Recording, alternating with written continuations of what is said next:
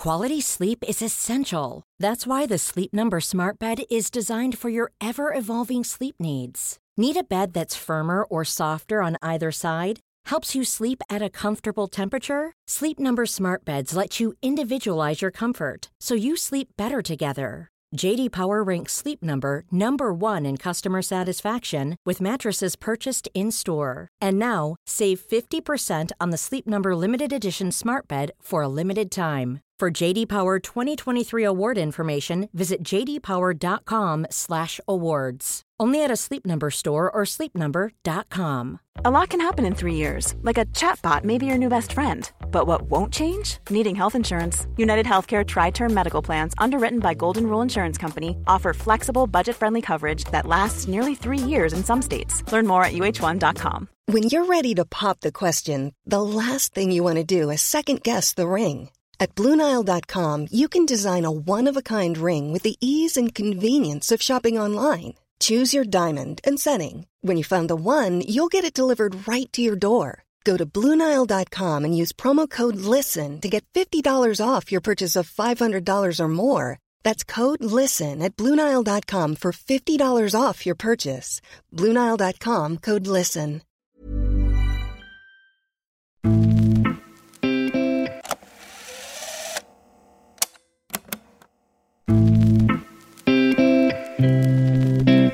Måndags klev den 76-årige Roy Hodgson av sitt sista jobb som manager och lämnade Crystal Palace. Hodgson hoppade in under förra säsongen och räddade kvar klubben i Premier League. Men en svag form in i 2024 och ett sjukhusbesök gjorde att han klev av som manager för sin moderklubb efter totalt sex säsonger i Crystal Palace. När jag träffade Roy Hodgson i december 2021 talade han om sin 45-åriga tränarkarriär som gått genom många länder. Om betydelsen av Bob Houghton, om jobben han inte borde tagit, om att basa över England och om att han aldrig hade agent och om trycket inom fotbollen. Givetvis talade vi om tiden i Sverige, om samtalet från Halmstad 1975, om att vinna SM-guld direkt med HBK, om den hetska debatten som följde i svensk fotboll, om att vända tillbaka till Sverige efter ett misslyckat äventyr i Bristol City, om succén i Malmö FF, om varför han räknar fem guld och inte två och om erbjudandet att ta över som svensk förbundskapten.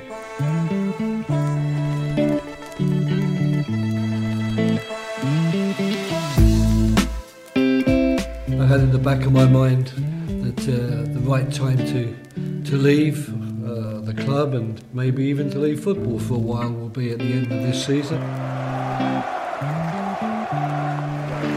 Hodgson, and he is absolutely one of their own. Born in Croydon, he watched matches there as a kid. It's a bit of a goosebumps moment, isn't it, Freddie? Just about to say my whole body is covered. Amazing. Wow. In the cut and thrust of football, you don't get moments like that very often. What a pleasure. Roy Hodgson, one of the very, very greats of our business. Incredible man, had an incredible career. I'll be forever grateful that he gave me my, my England cap. He's an absolute legend. Um, what he's done uh, in football, for English football, I think it's remarkable. I'm sad to hear that Roy's stepping away, and it might not. It might not be that he's he's retiring, and why should he?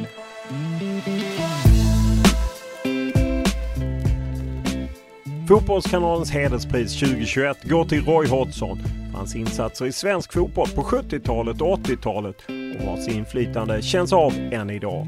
När Roy Hodgson kom till Sverige i mitten av 70-talet var det en ung och oprövad engelsman som tog över Halmstads BK på rekommendation av landsmannen Bob Houghton. Redan under första året tog han HBK till SM-guld och det blev starten på en tränarkarriär som efter 45 år tog stopp i barndomsklubben Crystal Palace i våras. Under åren i Sverige blev det ytterligare ett SM-guld med Halmstad och två med Malmö FF. Även om Hodgson räknades som om han vann fler guld under de fem åren han var i Malmö FF när det var slutspel som korade SM-vinnarna. Well, I regard it as five goals, of course. I never regarded that playoff as anything other than a, a bit of a, an opportunity to make life harder for us. I still hold it against the Swedish FA in a way, you know, bringing in a system at the end that when you win, you've got to play the number four to show you've won. I, I just don't agree with that or understand that. I podden djupdyker vi i stora delar av 74-åringens karriär och pratar bland annat om vad det var som gjorde att han och tränarkollegan Bob Houghton lyckades så väl i det då tyskinfluerade Sverige och om den hetska debatten som följde. I think we didn't deal with it, Bob and I, very well. We weren't very generous, you know. We, it was a, it was, it was a fight that had been sort of provoked, and we, we really joined in the fight, as it were. You know, we, we thought we were being attacked uh, almost personally when I don't think we were. Um, I think with hindsight, we could have been kinder to the critics, really. Uh, but then the critics really should have been a lot more sympathetic towards us as well. Och Hodgson pratar såklart även om känslan över att tilldelas Fotbollskanalens hederspris. Hur han själv ser på sitt inflytande på svensk fotboll. I've got to say that I never thought when I was working I'm going to be having an influence or I've never actually thought since going to other countries what an influence I had. Podden är såklart mycket mer än så här. Vi pratar om varför han tackade nej till att bli förbundskapten för Sverige, känslorna kring den moderna fotbollen med dess enorma pengaflöde, hans bästa och värsta stunder i karriären, varför han legat lågt med intresset för opera och litteratur, om Bob Houghtons betydelse för tränarkarriären, om tiden som förbundskapten i England samt hur det var att få avsluta karriären i klubben han växte upp med. Men som vanligt börjar vi podden med en faktaruta.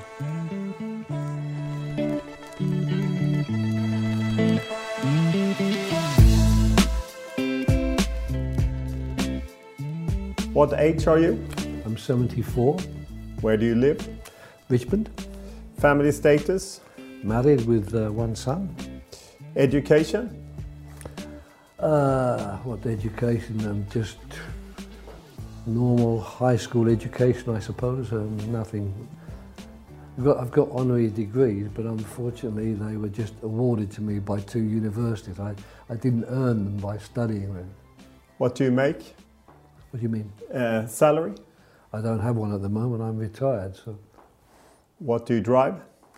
I drive my wife's Mercedes, an, an oldish Mercedes that my wife had because the car I had belonged to the football club, and when I left, it went back to the football club. What do you read? I read fiction, a lot of lot of different types of fiction. Um, favorite authors, I've got lots and lots. Um, at the moment, I'm reading Alice Munro. I've just finished a book by J.M. Coetzee. so it's it's in that sort of ball. I quite like the the Booker Prize and the Nobel Prize winners, and I particularly like the uh, the uh, Austrian writers Zweig and Roth and these people. So I have a very Catholic taste, and I've read a lot. Uh, what do you watch? Yeah, well, football, of course, on TV, like everybody else. But I suppose if there's not football, I, I like drama programs. I like I like documentaries, but I also like drama series. You know, the the good drama series which uh, you get in particular from from the BBC, I think, sometimes from ITV, and then like everybody else these days, I I surf through Netflix trying to find something. And then I've enjoyed the football documentaries on Netflix. What do you listen to? These days, I listen to a mixture of either the old soul music, which I've always liked, you know, since my early teens, but in more recent years, I like the, the classical arias, and I'm pretty certain that Swedish people will be happy to know that my favourite tenor is Jussi Björling, so I do actually listen to quite a lot of Jussi Björling. Uh, what do you play? In terms of musical instruments? Yeah, or a PlayStation or computer, or uh, in No. Sweden you can also, when you use play, you can you gamble on horses and. Uh, no, I don't do any of that. I don't. Uh, I do very little on the computer. I don't. I, I don't do any games in that respect. I don't play any musical instruments, and I, I don't gamble, fortunately. So uh, in in that respect, I'm I'm pretty much a virgin. Which is your best experience in football? I don't know because the problem with that is that the further back you go, the more glamorous it seems. So the easy answer would be the the gold with Halmstad Ball Club in 1976. But it's a bit unfair to to say that in a way because everything seems so magical about that time because after all it is 45, 46 years ago. So um, I think probably one of the best achievements in recent years has been keeping Crystal Palace in the Premiership for four years. I think that was that was an achievement which I know and my staff know and even the players who, who were there know was actually a pretty good job of work given the circumstances, given the fact the club was unable really to help us with any great investment. Um, but of course, that comes in the same category as Halmstad in some ways. It, it's the most recent, so it's the freshest in my mind. Uh, and the other one uh, is so far back. But the easy one to say is, is the Halmstad one because that that was a magical memory, one, and two, it really did launch me into a, a football management stroke coaching career. If, if that time at Halmstad had been unsuccessful, you know, who knows, I might have been back in England and then I don't know what coaching jobs I'd have been given. Uh, we know you as a coach. Uh, how was Roy Hodgson the football player? Not very good. Um, saved, I suppose, by having a, a reasonable left foot, you know, and, and a, a decent striker with the ball. But in terms of a player who would win you matches and, uh, you know, consistently give you the type of performance you need from your left back, I don't think I was very good at all. Which uh, rule in football would you like to change? I'd change the current handball rule. I mean, the handball rule never bothered me for years and years and years. In fact, if I look back, you know, we've been talking the past here, so I never thought about handball. You know, handball was very simple. You know, either you handballed it deliberately or you didn't. You know, if the ball hits you, well, it can hit you anywhere. But for it to be handball, you had to, try to handball it. And I don't remember many penalties given against teams I coached for handball. Um, because basically speaking, they would only be if, if a guy jumped up and flicked the ball off somebody's head with his hand or saved it on the goal line with his hand because the goalkeeper was beaten. In particular, the last couple of years, it's got a little bit better this year. It's been ridiculous. Every time a shot has gone into the penalty area and hit somebody, you know, 60,000 people scream handball and the referee gets affected by it and then they, they find that the ball has actually struck somebody's hand. So I want to go back to the rule as I knew it. That is that for it to be handball, you had to want, you had to deliberately want to handball it. And secondly, you had to put your hand towards the ball, not the ball hitting your hand. So that's the rule I would change. Which is uh, football's greatest player of all time? Well, it's got to be, uh, again, it's the distance learning enchantment factor which bothers me there. I mean, Pele, of course, has got to be named at all time. And then, of course, you come into the next group of, you know, uh, Beckenbauer, Cruyff, and then slightly later than that, Maradona. And then we come to the modern Messis and, and Ronaldos. But I have to say, at the risk of making the answer longer than perhaps you want it to be, that I don't know that you can really compare players globally in that way. I mean, what you really need is well, who who who will be the best goalkeepers? Who are the best right backs? The best centre backs? The the best centre midfielders defensively? The best attacking midfielder? Because if you notice, all the players I've mentioned to you there, they're all forwards. Not one defender, not one Beckenbauer. goalkeeper. Oh, yeah, Beckenbauer. But, but Beckenbauer, in actual fact, was a, a defender who spent more of his time taking the ball into midfield and was the man they relied upon to spread the passes around the field. So it's very difficult to get into the group of best ever player unless you happen to be a forward who scores a lot of goals. So I tend to shy away from the question when people give it to me, but they're, they're the obvious names. Which coach is the greatest of all time? Well, exactly the, same. You, you know, I said earlier on in the earlier interview we did that to, to, to win things you need good players. So, you know, the, the ones that we regard as the greatest coaches are the ones that have coached uh, Liverpool, Manchester United, Bayern Munich, Barcelona, Real Madrid. We don't know about the coaches who've worked very hard at Chesterfield. We, we didn't even know about guys like Graham Potter when he was at Östersund, you know, and yet doing a fantastic job and obviously a very, very good coach. So I think that's a dangerous one as well. Um, I would say in terms of really affecting things, uh, Helenio Herrera would, would, would be one who I was fortunate enough even to meet. Um, then I would say Rinus Michels had a big influence.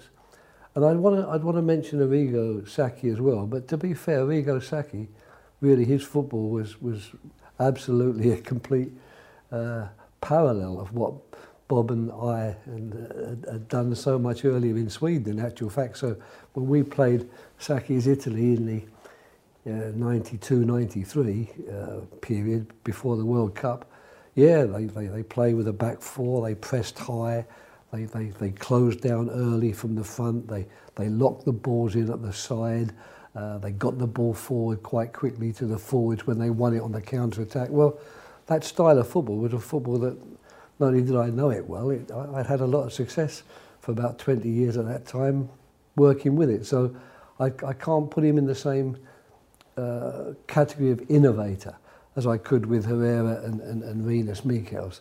But you could put him in the category of someone who was really a very, very good coach and whose teams were quite brilliantly organised and who really knew how to get the best out of his players.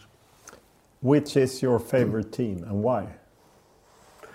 My favourite team has to be teams really because I often you know relate to, to the clubs I, I, I've worked with. You know we talk in Sweden it's basically the team the, the results I look out for. Not so much Oddevold anymore. That was a really just a, a brief guest appearance, but certainly Halmstad, uh, Malmö and Örebro. I, I always look for their results and even you know had take take an even deeper interest. Inter is always going to play uh, quite a big part for me. And over here, Fulham, Fulham, West Brom, funnily enough, and, and Palace, I think maybe more than Blackburn will be the ones that, that stand out for me. But if you want to go back to that sort of fan-like, well, you know, what was your club? My club was Crystal Palace. You know, that's the club that I grew up watching from the terraces and eventually tried to play for without success, and ended up at the end of my coaching career actually managing. Which is your favourite movie? Again, a very difficult one. Um, I'll give you two. Um, I was a massive fan of Milan Kundera, so I love the film The Unbearable Lightness of Being, and I could certainly watch that again, even though I, I know the story very well, and, and, but it was brilliantly acted. And the other one I think would be The Commitments, once again because of my interest in soul music and the soul music of that period. I thought that was a, a brilliantly put together film. But there's lots. I, I like lots and lots of films, but if I had to choose, I'd go with those two. Which living person do you most admire?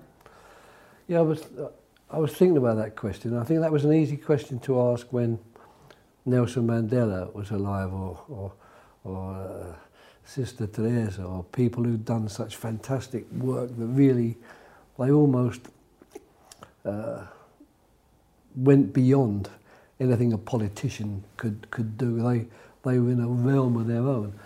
I don't know if I followed that sort of world or that world of politics as well as I should have done these last few years. So, you know, I'm back, I suppose, to looking at people in sport, people in music, or people in theatre. So it's very, very, very difficult, and there's so many of those.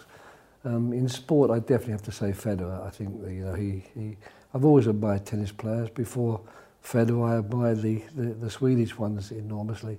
Um, but I, what I admire in people really is, is not only their excellence and their, their, their quality, if you like, of the work they do, be it in sport or politics or film, it's the consistency with which they do their work, their ability to not just produce a performance which makes them great, but to do it time and time and time again. And I know how much harder it is to reproduce good performances. You know, the first one, if you've got anything about you, you, you can get there. It's to do it time and time again that I find the most important aspect. Or you go into the other realm of a Mandela, which you know what he did is almost impossible to to comprehend. If we exclude uh, PE, physical education, what was your best subject in school? I had two, I suppose. English would, would, English and French would have been the two. I don't know how I could choose between them. I was actually quite good at both. Uh, I think I preferred English. I was a, a lover of English, but French was a good subject for me and has stood me in very good stead ever since. On what occasions do you lie? I don't know. I think as a as a, a football manager, you're telling little white lies all the time. So I think, I suppose the answer is, as far as the job is concerned, where, it's, where it seems to be the, the most prudent and sensible thing to do. What's your greatest extravagance in life? Yeah, that's a good question. My greatest extravagance. Uh, I suppose I should say watches, but that's because I've got a lot of them, or quite a lot of them, but a lot of them have been given to me, that's the thing. So it is extravagant sometimes to wear the quality of watch that I'm capable of wearing or have the ability to wear. Cars have not really come into that category.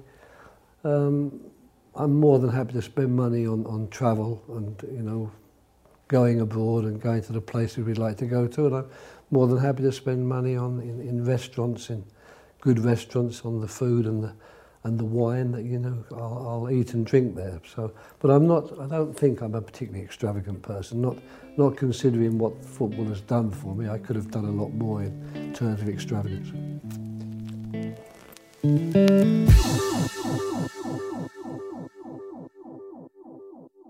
We meet for this interview because you got the honorary award from Fotbollskanalen and Swedish Football Federation. What was the feeling when you got, when I sent you the first message that you were going to get this award? Well, I was very pleased to get the message and, and, and honoured, of course, especially when I look at the list of the people who've been honoured. You know, I think that, you know, every honour can be to some extent measured by the, the people who've won the honour or the award before and to join a category of people that you obviously admire and and realise how, how good they've been and how much they've done. In this case for Swedish football, it's very nice to be added to, to that list. So it was, uh, it was something which gave me not only great satisfaction and joy, it's something I think which would give me enormous pride as well because it really proves once and for all that the time spent in Sweden, those 12 years, was time not only well spent, but, but well recognised and well appreciated by the Swedish football in public. And that's something which I can feel rightly proud of. What's your relationship to Sweden and Swedish football? It's enormous, really, I suppose, because it, uh, it was the country and the, the football in that country that launched me on what's been a very long career and a, a very interesting career. So uh, I, I feel there's a, a definite affinity between myself and Sweden. We, we, we loved being there. Of course, it was a, a wonderful time, as successful times often are, and we made so many good friends. So uh, Sweden's always got a very special place uh, for me in my, in my thinking and in my heart. Take us back to 1975, getting a call from Halmstad BK and Stig Nilsson. Yeah, it's, it's, it's a relatively long story. I mean, Bob Houghton contacted me quite early in the, in, in the Swedish season, just around about the summertime, because it was clear then that Lars Agner was, was going to, to, to leave and that Halmstad Ball Club needed a new coach. Um, and he'd put my name forward and they'd shown an interest. And in actual fact, Stig Nielsen called me around about that time, you know, probably early August. Would you be interested? And of course, I, I jumped at the opportunity and said, I'm more than interested, you know, I, I couldn't wait to get over if you want me. But then nothing happened. You know, the months went by and I thought, well, that was a, a ship that sailed. It would have been nice. And then in probably mid-November, just as the season had ended, I actually got the phone call. I think by that time Stig had researched the Swedish market and anyone out there who was any good didn't want the job. So I think he was forced to go back to the idea of a young Englishman. And um, but anyway, he contacted me, which was tremendous. And then we went over to Sweden. First, I think he came to, to London. First, he came to London. No, I tell a lie. It was the other way around. Um, I went to Sweden to meet the players, a little players group. Um, and I think that's when they decided we are going to give you the job. And then I met the rest of the board members when they came to London in early December, and it went from there. How was it to arrive at Örjansvall, being 28 years old and taking command of a team in the Swedish top league?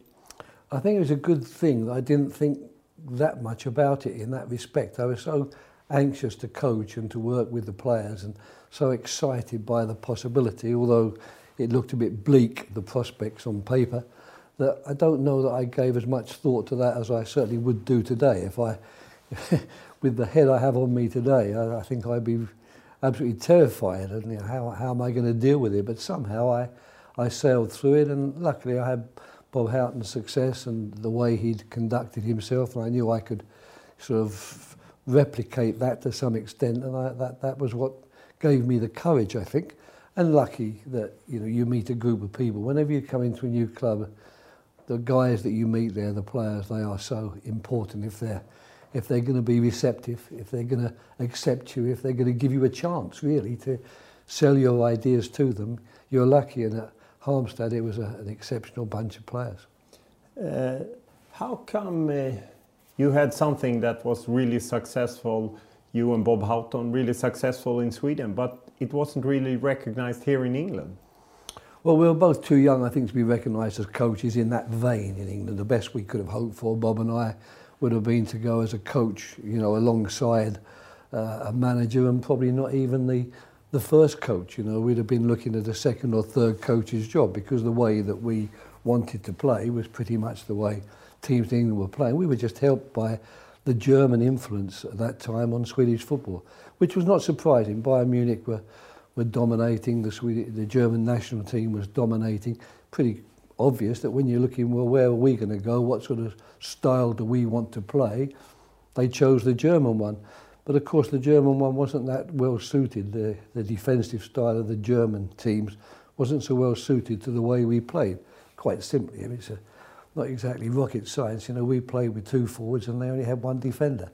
And to get the second defender, they had to move somebody from the wide areas back into the middle because they always wanted one guy free and that left acres of space to attack him. And that's where Bobby and I profited, if you like, at least in the early part. To be fair, towards the end when Ericsson had come onto the scene and Tord was on the scene as well, um, you know, it wasn't quite so naive as it was in the in the early 70s or the mid 70s.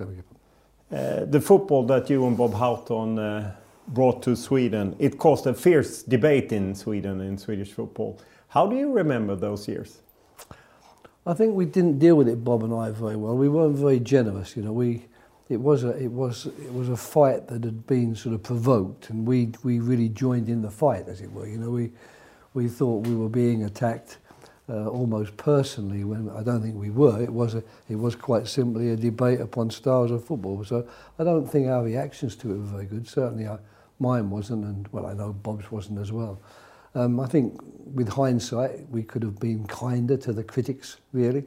Uh, but then the critics really should have been a lot more sympathetic towards us as well, because you know the way the way the teams were playing at the time were, were pretty successful. We produced a lot of very good players for the for the national team, and my regret, I think, partly was that with with uh, Uwe Eriksson um, that did affect some of the chances. We had players in Halmstad who really, I think, could have been at least regulars in the in the Swedish squad, but weren't selected because of the style of play that he didn't like. I'm thinking of Solander, uh, Sigge Johansson, Rutger Backer, all of these people really, they, they, they deserve more of a chance than they got. Dagens Nyheter är huvudnyheten givetvis. Vi gjorde det igen. Det är Halmstad BK som har vunnit allsvenskan. Det där måste vi höra lite mer om och därför har vi kallat hit deras engelske tränare, Mr Bob Lindeman. Welcome. Hello. Welcome to Stockholm. Ja, det är roligt att vara här. Ja. Det är jätteroligt. Igår så var vi ute och firade. Det var ju fest igår. Ni var firade? Ja. Vi gick in på Hotell Svea, in i baren och så sa så här. Elva glas whisky, de, upp till bredden, den bästa whisky ni har, sa jag. Och, och så kom de in med och sa, nu grabbar får ni beställa vad ni vill ha.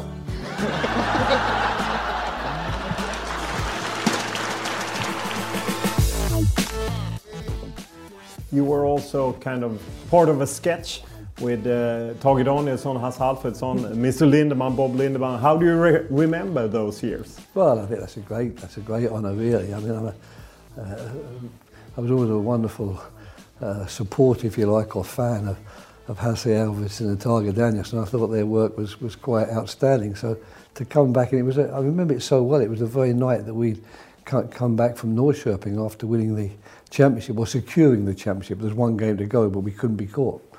And uh, we were having this, impromptu dinner that Stig Nielsen miraculously arranged with the players' wives and families. So when we, when the coach pulled up at uh, the, the, the restaurant, uh, Svea in, in Halmstad, there were all the wives waiting for us, which was incredible. So we went in, and that was the same time as the review, their annual review, which was probably one of the most watched programs on Swedish TV at the time, was airing. And this came out exactly while we were preparing to have our dinner. So it was a, an experience and a memory I shall never forget. And I used to think it was, was tremendous when people would shout things in the, in the street at us, you know, the, the catchphrases and the jokes from the, from the review.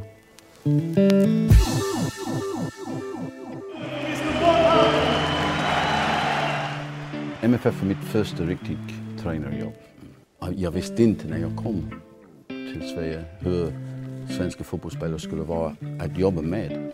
Men vet, de var så disciplinerade. Bob la den, den grundstenen, det är inget snack om det. Um, liksom jag, um, han kom till min klubb och, och fann mycket duktiga fotbollsspelare i klubben när han kom. Coming to uh, Halmstad, uh, how much help did you have that Bob Houghton had been a couple of years in Malmö?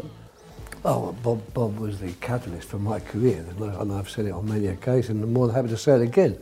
Um, I don't know how else I would have been flagged up as a candidate for Halmstad Ball Club if it hadn't been for Bob Houghton, who was keen, you know, he'd taken me to South Africa as a player. He was happy or keen to get me a, a job in Sweden where he was working because our friendship was that close. So really, he started everything off for me. And also, he, he, he even started me on the road to coaching in a way, because while we were both playing, albeit having left professional clubs and we were playing in, in non-league professional football, uh, he was the one who took that early interest in coaching, getting his coaching awards, encouraged me to do the same. So there's no doubt that uh, Bob Houghton is the man who, who put me on, on the coaching ladder and, you know, provided me in a way thanks to his success, with my first opportunities. When did you figure that this can be my job? Well, it's basically, I suppose, the amusing story, which I've, I've told a few times, so I'm afraid all the stories I tell may have featured somewhere before, but both Bob and I, as I say, our friendship was very close. We, we, we thought we were being realistic, and we were both so pleased to have got this chance in full-time football, albeit in Sweden, not the country of our birth, uh, at a good level of football. So, you know, the Allsvenskan was a, a much higher quality than people here could ever recognise. Um, but we also realised, or thought we realised, that this is probably not a lifetime job. We're going to have to start thinking at one stage, you know, we don't have a, a trade, you know, we can't say, okay, we'll go back to being electricians and plumbers.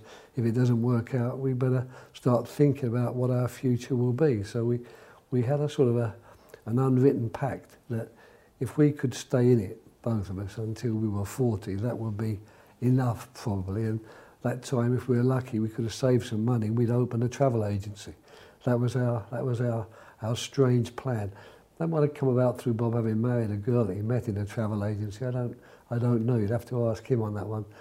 But it's amazing that for both of us, it went on an awful lot longer than that. And I certainly realised, I think, probably, probably, I don't know, it probably took into the 80s, the mid 80s, before I really thought, well, this is it. You know, this is what I am. This is what I do. This is going to be my life. You know, all those years up to then, there was always the fear, well, this could happen at any moment, as it almost did for me and Bob, really, by making the catastrophic decision that we made to leave Malmö and Halmstad respectively, where things were going very nicely, very smoothly, to take on Bristol City, where things went anything other than smoothly. Uh, what do you think were your best uh, assets as a coach?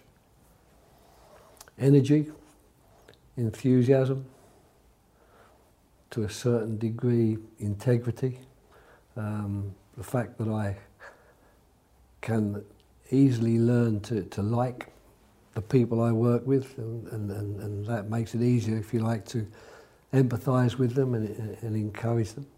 Um, a reasonable learner. You know, all the time when you're when you're working, you're learning from other people. There's very little that's actually new in the game.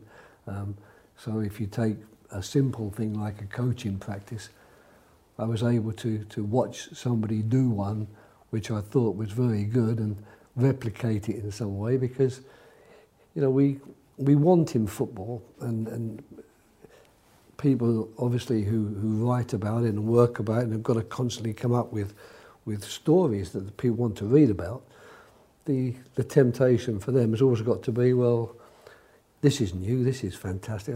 And I'll never forget Orvar Bergmark when I, when I went to Örebro, I became friendly with Orvar, who was another great leader. I could have mentioned Orvar's name really as one of the great leaders because he really was. He, he did two things for me in a way. One of them was we started so well at Örebro. Am I talking too much here? No, no, no, no. no. We started so well. You know, I'd gone gone there after the the uh, unsuccessful period, basically at Bristol City. You know, five six months later, I'm in Örebro, and they'd been relegated two years earlier, and they were desperate to get back in the in the Allsvenskan. So I come with a certain sort of fanfare, and we, we take part in the pre-season. There was a pre-season tournament at that stage, played indoors, you know, around in uh, Allsvenskan. Allsvenskan, Växjö and, and Gothenburg. So, and we got to the semi-final, we got the final. So people were going, this is it, we've cracked it, you know, we've we said it was going to be good now, and here he is, and the saviour's arrived. But after seven games, I think we were bottom of the bottom of the um, what was then the, the, the second division. The, I don't know what it's called actually under the Allsvenskan. Division 2 var Division 2, it was called, yeah. So there we were, and I was having these regular Wednesday lunches with with Orvar, and uh, he. Uh, one day we were walking, and he must have guessed I was a bit depressed, you know, with the way things were going. Because we we're getting quite a lot of criticism. You know, people were harping back to, well, it was he was okay when he was at Halmstad, but look at Bristol City, look what's happened to them, and look at Oddevold. Uh, basically, the man's a, the man's a charlatan. So I was feeling that way, and walking along with this very quiet man, Orvar Bergmark, uh, who didn't say much, and when he when he spoke, it was always worth listening to, and it, it was like walking through the streets of Örebro with the king anyway, because everyone who met him was sort of bowing their head. He actually taught me a, a Swedish word I, I never knew called angenämt. But, you know, that was his answer to all the people that, oh, Herr Bergmark, you know, and er, jag träffar dig, angenämt, walk on. And he said to me, um, I envy you, you know. And I said, what? He said, I envy you. I said, all right. You're for Bergmark, you know. How, how can you envy me? He said, no, I do, he said, because he said, even when things aren't going well, you've got something to look forward to. Every Saturday there's a new match. Every Saturday a new challenge. Every Saturday a new chance. He said, he said, now in my job, it's a good job, but he said, I don't have that anymore. So I envy you. And I thought, I'd never thought about it that way before. And then the other thing was that when we were doing quite well, and uh, we were getting criticised again for catching too many teams offside, and there was a little bit of criticism going around even at Örebro that you know they, they play such a high line and they, they press so much and you know it's uh, we're not seeing a lot of free flowing football. He said to me, do you know, he said, they, they talk about this new wave and this new thing with offside. He said, he said, we did that, he said. In 1962, he said, Totten Gustafsson and I are playing centre-back in Örebro. That's exactly how we played.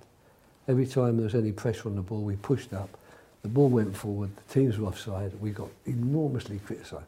And I thought, well, that's good to know because, you know, it just proves to me what I, I already knew, really. There is nothing new under the sun.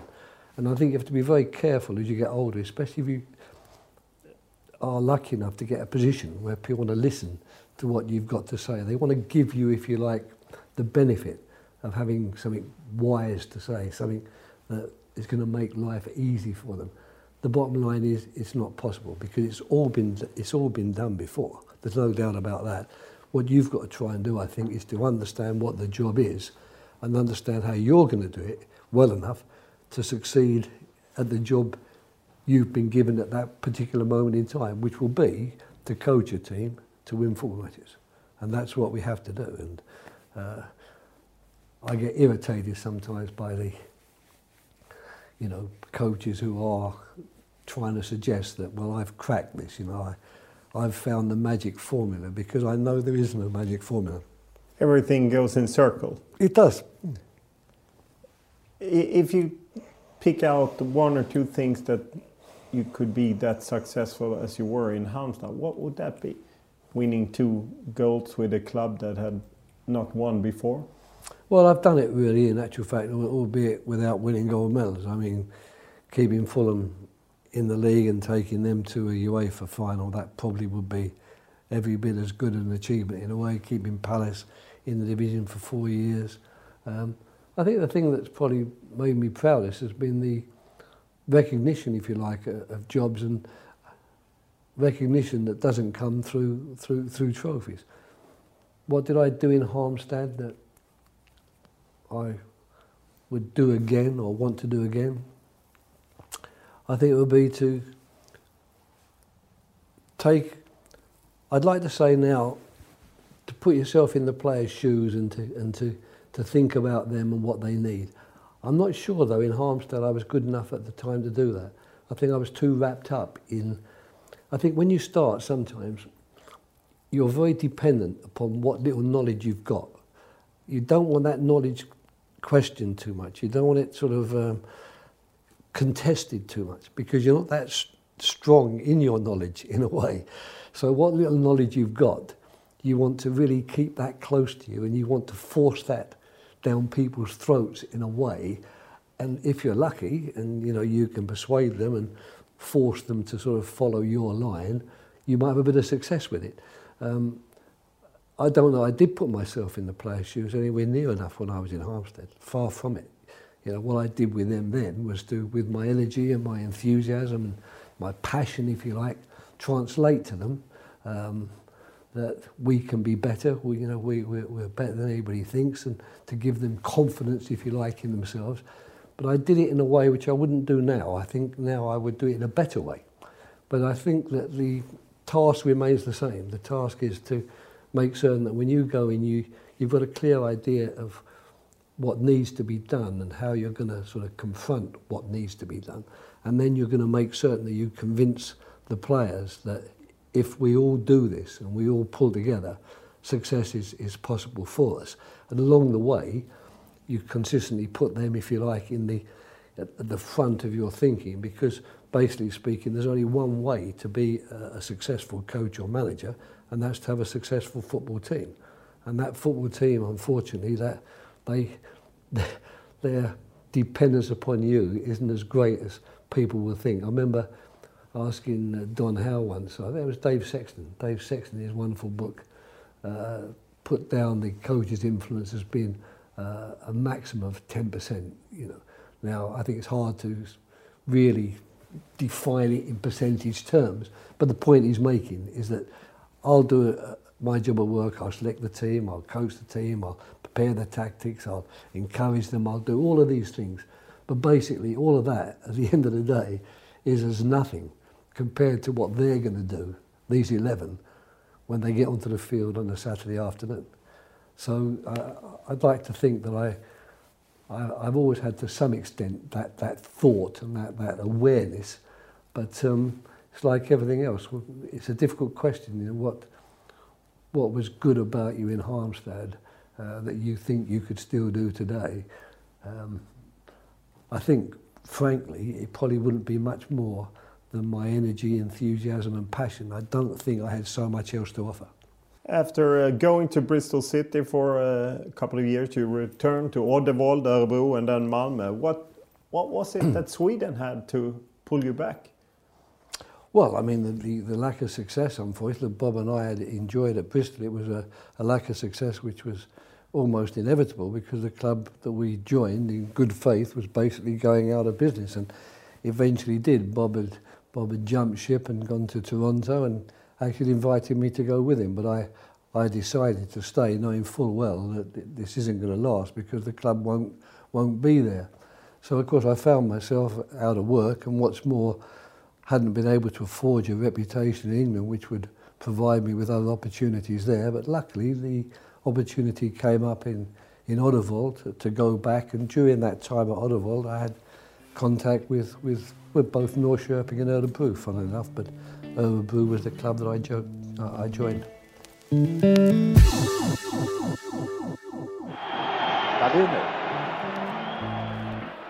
Mot Knesevic. Han rycker Dahlin och han skjuter och han gör mål. Martin Dahlin, vilken dag! Första guldet, Stefan. Det är, det är inte så mycket att säga. Första säsongen så kan du börja bättre.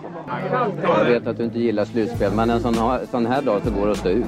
Oh ja, det är klart. Kanske vi behöver det nästa år. Kanske vi kommer fyra i serien. Vi ska behöva en slutspel för att ta med guld.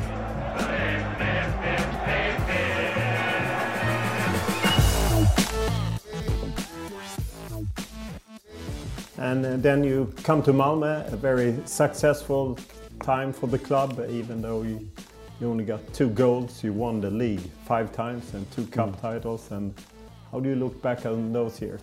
Well, I regard it as five goals, of course. I never regarded that playoff as, as anything other than a, a bit of a, an opportunity to make life harder for us because it was played at a time when the, the international matches were going on and we had lots of players in, in the international set up at the time, and also not only that, it came uh, at a moment when our matches piled up as a result of it. So, you know, we were sometimes playing three matches a week and the others had 10 days to prepare. So I don't really, when people ask me, as far as I'm concerned, if you were going to compare through the years, you've got to forget that short period of playoffs because you can't, in which case we don't know how many goals that Bob won or Antonio Duran won because they didn't play off. They just played the matches and won the league. And so for me, the five league goals are what stick in my mind, and I, I still hold it against the Swedish FA in a way, you know, bringing in a system at the end that when you win, you've got to play the number four to show you've won. I, I just don't agree with that or understand that. What would you classify as your biggest achievement over, on, during the years in Sweden? Well, I think that would have to be the, the, the two the two goals with Halmstad, and in particular, I think maybe the now we wouldn't have won those gold medals if there had been a playoff system. There, there's, there's no way. You know, I was just lucky that between 76 and 80 when I left, there was no playoff. So if you won the league, you won it, and especially the second time around in 1979, the that was probably the the hardest one to win and probably the greatest achievement in a way because that was that was won by consistency of performance, but it wasn't anywhere near as spectacular or even as good, in my opinion, as the 76 one. But we, we really sort of hardened that one out and, and, and got to the finishing line, and I'm very, very, very proud of that achievement. Um, but the most spectacular one is always going to be the fairy tale one. That's the 1976 gold. So I think Malmö was a lot easier. You know, Malmö, if you're going to be a successful coach, it does help if you've got good players. And you know, the players we had at, at Malmö, they would have got into most Allsvensk teams. In fact, they were international players, a lot of them. They were, you know, the, the cream of the country. In Halmstad, we, we had good players, good professionals, uh, excellent people in every respect, but they didn't have the, the same allure as the players from, from, from Malmö. I don't think they would have necessarily walked into other teams in the same way as the Malmö players would have done. And if you want to be a, a coach with a lot of titles to your name, you need to get to a Malmö FF to, to get that because it's the players that will get them for you. Uh, I know you were the coach of Switzerland during World Cup uh, in the US 1994, but Sweden uh, took a bronze and the spine of the team with Patrik Andersson, Roger Ljung, Jonas Thern, Stefan Schwarz, Martin Dahlin, players you kind of brought up and developed. Yeah. What did you feel when they took a World Cup bronze? Oh, I was very proud, very, very, very happy for them, and, and proud that the players that I'd worked so closely with had done done so well. I was actually at the at the match when they when they won the the, the bronze. I was there. Uh, we'd been knocked out by that time, but I stayed on with FIFA, so I was at the game. I was happy for for Tord and Tommy Svensson, you know, both people I regard as friends. Happy to see them succeed as coaches, and extremely happy to see the the players that I was really rooting for you know, come away with, with a, a bronze medal and have their names, I guess, etched in Swedish history because, you know, to get a bronze medal at the World Cup, that's, that's something any country would be extremely proud of. And for a smaller nation like Sweden, it's even more commendable. Do you ever look back and think of the impact you and Bob Houghton had for both coaches and players in Sweden? I mean, if you look through coaches, you talk about Hasse Backe, Sven-Göran Eriksson, Tord Grip, a lot of people you worked with, Lars Lagerbäck. Do you think back to those days and the impact you had? I don't think you do. You, you don't realise if you're having an impact. I mean, it's flattering that, you know, people of that stature because they're you know really top coaches. You you mentioned Roland Andersson, of course, another one. You talk about top coaches in Sweden who kindly, if you like, when asked about their influences, mention you. That's something which I'm very proud of and very happy about. But I, I've got to say that I never thought when I was working I'm going to be having an influence, or I've never actually thought since going to other countries what an influence I had. I think influences really should be uh, subconscious. You know, it, it'll be because someone, not because he's asked to, decides, I'm interested in the work this, this man does and I'll take a deeper interest in it and maybe take on some of the thoughts and ideas. Um, that's something which is flattering, but it's not something which you provoke in any way. It's just something which, if you're lucky, happens to you. You've been uh, it's a long time since you've been to Sweden. How much contact do you have with people in, in Sweden that you worked with? Well, it's like everything else. When you when you when you travel a lot and when you've you know when you're working every day, you don't have the sort of contacts that you would like in a way. I'd like to think that I constantly run into people that from Sweden. I mean, I ran into Jonas Olsson now in Mallorca. He's a, become quite a close friend of my son's because he goes to Mallorca quite often.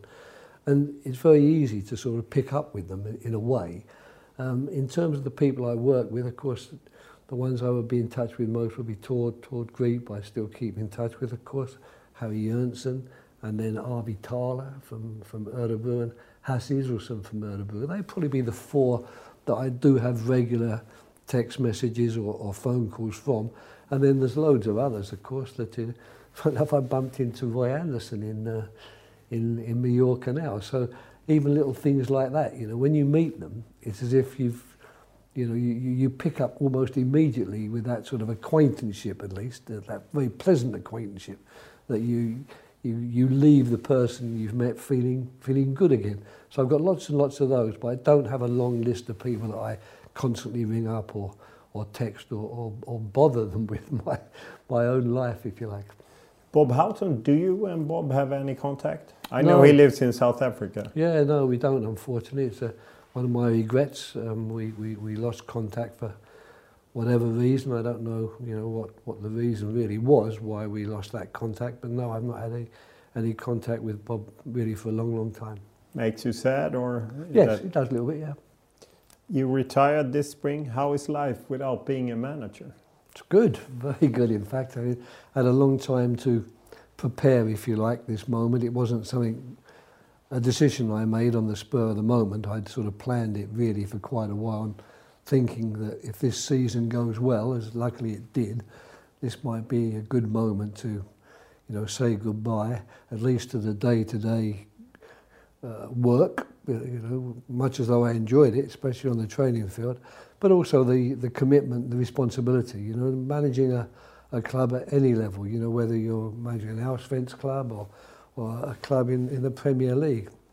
The level of commitment, the level of responsibility remains the same.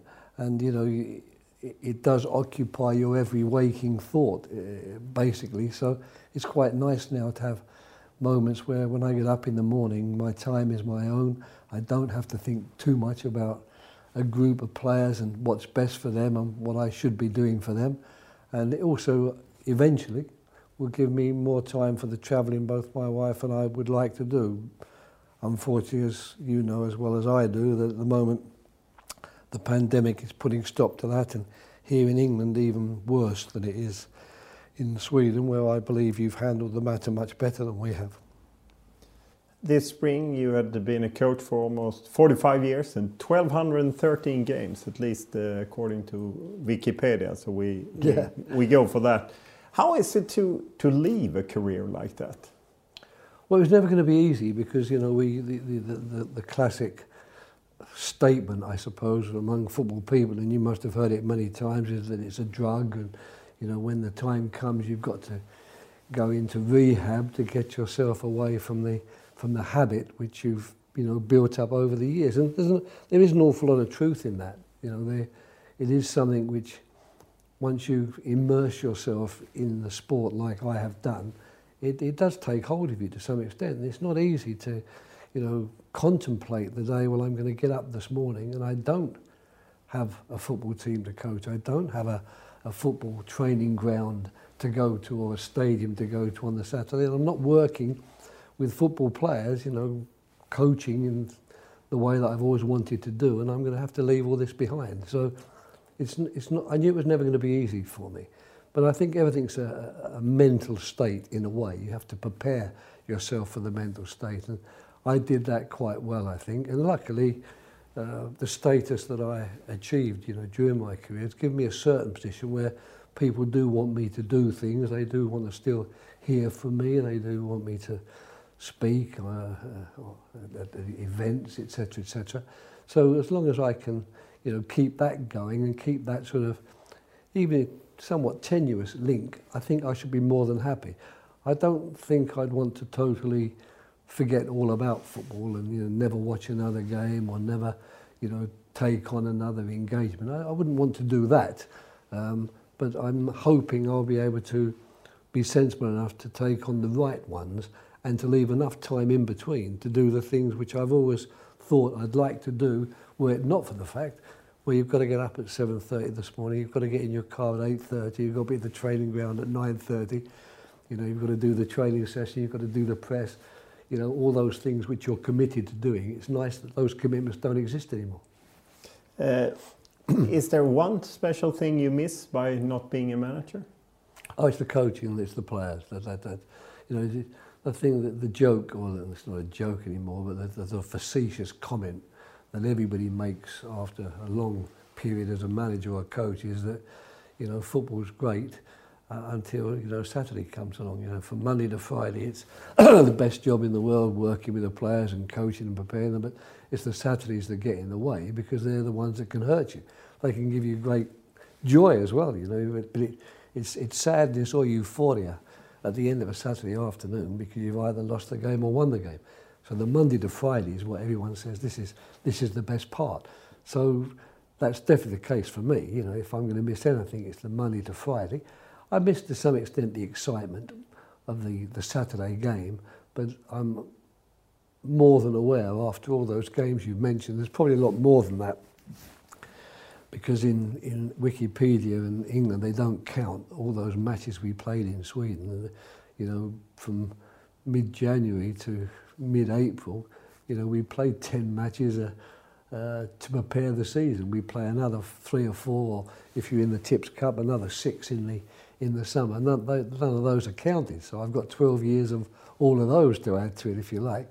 And you lose a lot of those. You know, I don't have 1,200 games with like, Guardiola, 1125 wins. I don't have that at all. So I'm more than aware of that horrible feeling you have on a on a Saturday and a Sunday morning when you wake up and you know the, the feeling of depression and gloom as you walk into the training ground on Monday, which you've got to do something about because you've got to do something on that Monday morning already to make certain the players don't take their, that feeling that they, they have in that one moment of time all the way through with them to the next game.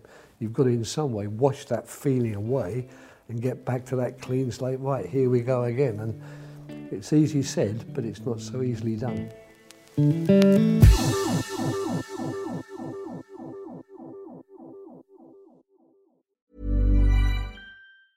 Life is full of awesome what ifs, and some not so much, like unexpected medical costs. That's why United Healthcare provides Health Protector Guard fixed indemnity insurance plans to supplement your primary plan and help manage out of pocket costs. Learn more at uh1.com. There's never been a faster or easier way to start your weight loss journey than with PlushCare.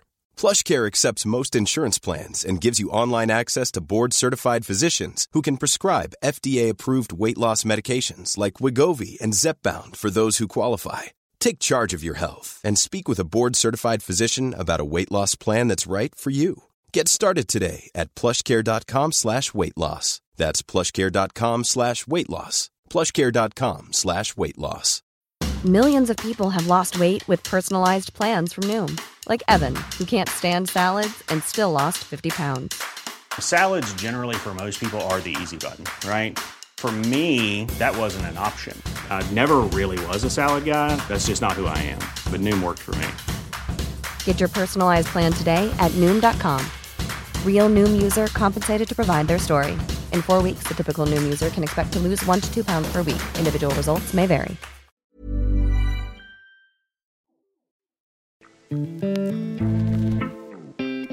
It's been a real privilege to come back and work at Crystal Palace Football Club for the last four years. I've been blessed with a fantastic group of players. And once again, I thank you very much for that. I thank the chairman for supporting me and giving me the chance to work here. And I know that I'm leaving the club in a very, very good place, and you're going to see a lot of very good Premiership football here next year. So thank you very much. Selhurst Park, one of How was it to return to your boyhood, club, Crystal Palace, as a manager? I think it was easier because you know I was 70 or just about.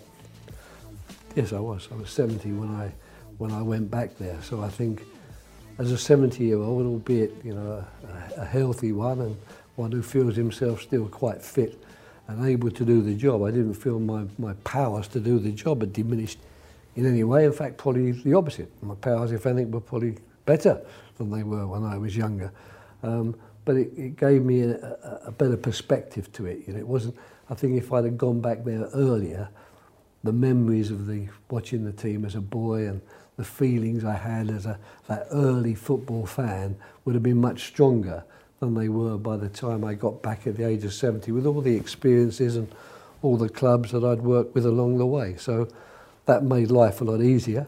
But um, it was good to go back in the sense that, you know, the, the reception, I think, always in a football club is, is going to be slightly better for someone that the fans think, well, he's like us, you know, born in the same town as I was, supported the same team for many years as a boy, obviously, has always had the club in his heart. You, the perception of you is probably slightly better than if you just are jetted in from outside. After leaving football, how many clubs have contacted you that you've said no to?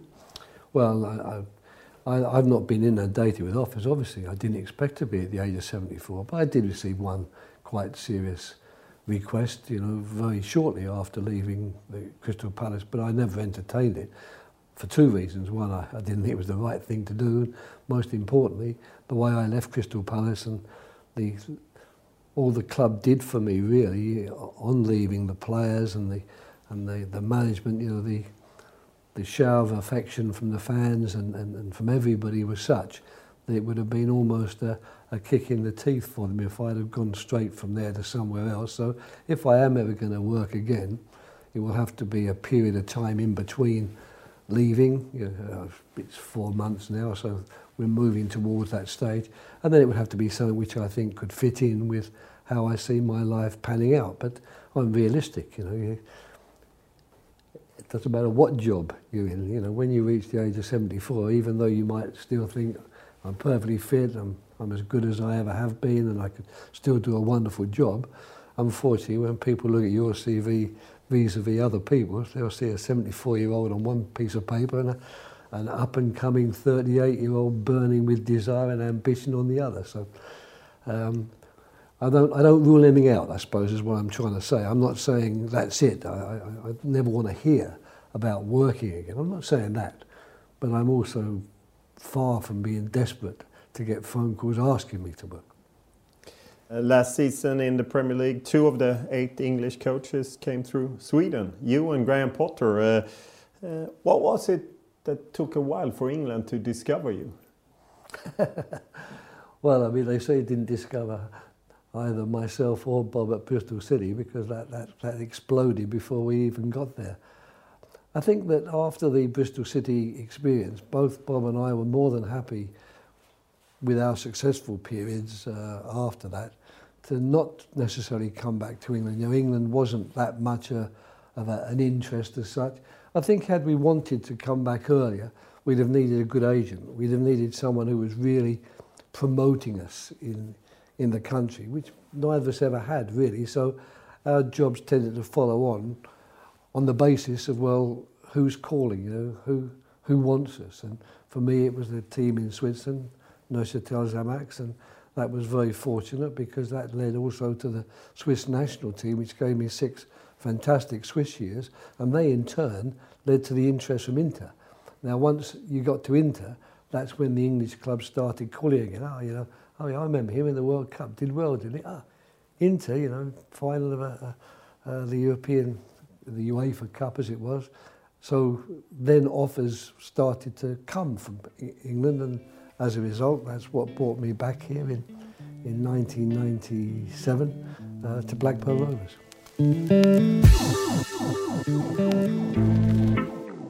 Jag minns det väldigt väl förstås. Jag tyckte det var en otroligt fin period av vårt liv.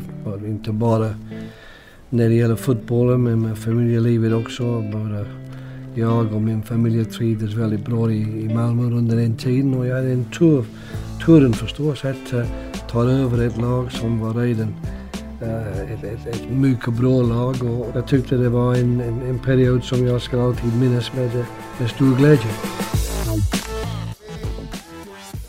You know a lot of languages. I know you speak uh, pretty good Swedish, even though you haven't lived there for for a long time. You read a lot, and uh, kind of not what you always uh, think of people who are working in football. Do you think that has helped you as a coach, being open to languages and literature and things like that? I think there's two elements to that question. I mean, all these questions are good questions. They're not easy for me to answer in one sentence.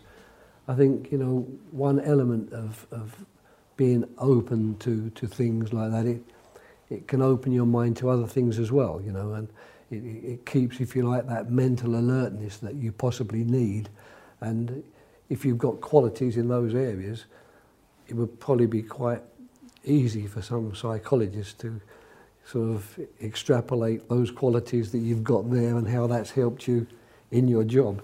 But more importantly, I would say that to do your job well, I think you've got to get the balance right between between the work side and the relaxation side. You know, family, of course, has played a very big part in my life, and I think you you know I speak to lots and lots of you know people in sport, and they'll all say the same thing about how important their families been for them because you need you need that, if you like, a safe haven to return to sometimes when things are getting you down or things not, are not going your way. But I think you also need to, in some ways, develop for yourself some sort of perspective and some sort of balance in your life. And if your life is, I, fear it is for many football people, football can very easily get you into that uh, realm where you get up in the morning, you drive to work thinking about nothing but the football, you drive home from work thinking about nothing but the football, what's gone on, how you've done things, what you're going to do on a Saturday, problem with this player, etc., etc., etc. Dealing perhaps with, you know, elements of the press or people above you who are, you know, making your life a little bit less comfortable than you'd want it to be. And then you go home and you start watching matches, you watch videos, you, you start once again absorbing, if you so, the football to such an extent that it blinkers you to life as a whole. I think that's a very dangerous thing to do. I think that you do need to, to keep things in some sort of perspective because in your job you need perspective. When you're dealing with the players uh, and the problems that they have and the problems they're perhaps causing you because they're not doing the job in the way you'd perhaps like it to be done, you've got to put their lives and, and what's happening in their lives into some sort of focus and, and perspective and balance for me are two vitally important words. You only get them, I think, if your feelings about your job and your profession and your passion, football, is in relation to your family, to your friends, to life outside, and in my case, other interests. So, for example, uh, I go on these, I'm a member of a leaders group, quite an important leaders group, and one of the things that it, it, it used to embarrass me, it doesn't anymore, that at the end of the group meeting where you know you've got these you know really top people from many many different sports, you know, the sort of knights of the realm, and uh, you you speak to them and then they question this way, what books have you been reading lately? And they all come up with the, you know, legacy, you know, by, by Kerr about the New Zealand rugby team or Riley's book or something. They, they come up with all these leadership books they've been reading. And of course, I don't. I don't read leadership books. I have done when I was giving leadership lectures, but I don't read leadership books. And I don't even really read football books, to be honest. I don't read the autobiographies. You know, when I want to read, I turn to Zweig, I turn to Roth, I turn to Alice Munro, I turn to Anne Tyler, etc., etc., etc. And I read and I get immersed in the book, the story, and that. But it, it enables me to forget, because if I'm reading a leadership book, I'm reading all the things that are being said, very intelligent things, but it's still impacting on my brain. Well, am I doing this, and how can I implement that, and how does this affect my work? I like to get away from it. Uh, in football, how has that been uh, received? Or haven't you talked about uh, Roth and Munro you're I have to be careful. I have to be careful because my my taste can be seen as somewhat too too intellectual, if you like, for the for the a, average English football fan. And the same with you know, if I mention opera for someone, you know, I, I like to go to, to operas when I can. Not not all. I like I like the the classic ones where they sing the classical arias that I like. If I start talking about those things, it's it's moving me into a slightly different realm to the, you know, from the, the football fan well, I should really know more about, you know, Strictly Come Dancing and EastEnders and uh, I'm a Celebrity, Get Me Out of Here, these sort of programs which I quite frankly never watch because I've got no interest in them. Um, if I'm not careful, divorcing myself as I do to some extent from them, um, and, and then when people say, what about you? Well, what are you doing then? And I start to talk about, you know, authors, many of whom they, they, they wouldn't read or wouldn't have any enjoyment from. It, it does tend to move me away, if you like, from the core support group in, in, in football. So I often get, I've often been asked, you know, to go on podcasts about my interest in classical music or, yeah, you know, go to, you know, uh, what's the what's the word? You know, um, book club type podcast. You know, to talk about what books do you read, and I always uh, turn those down because I fear that it would have uh, moved me away a little bit from the people who are going to be watching my team play on a Saturday afternoon because I, I don't have purely highbrow taste, far from it. You know, I'm as lowbrow as anybody, but I, I just perhaps have a bigger spectrum than, than, than some people. I can swing either way.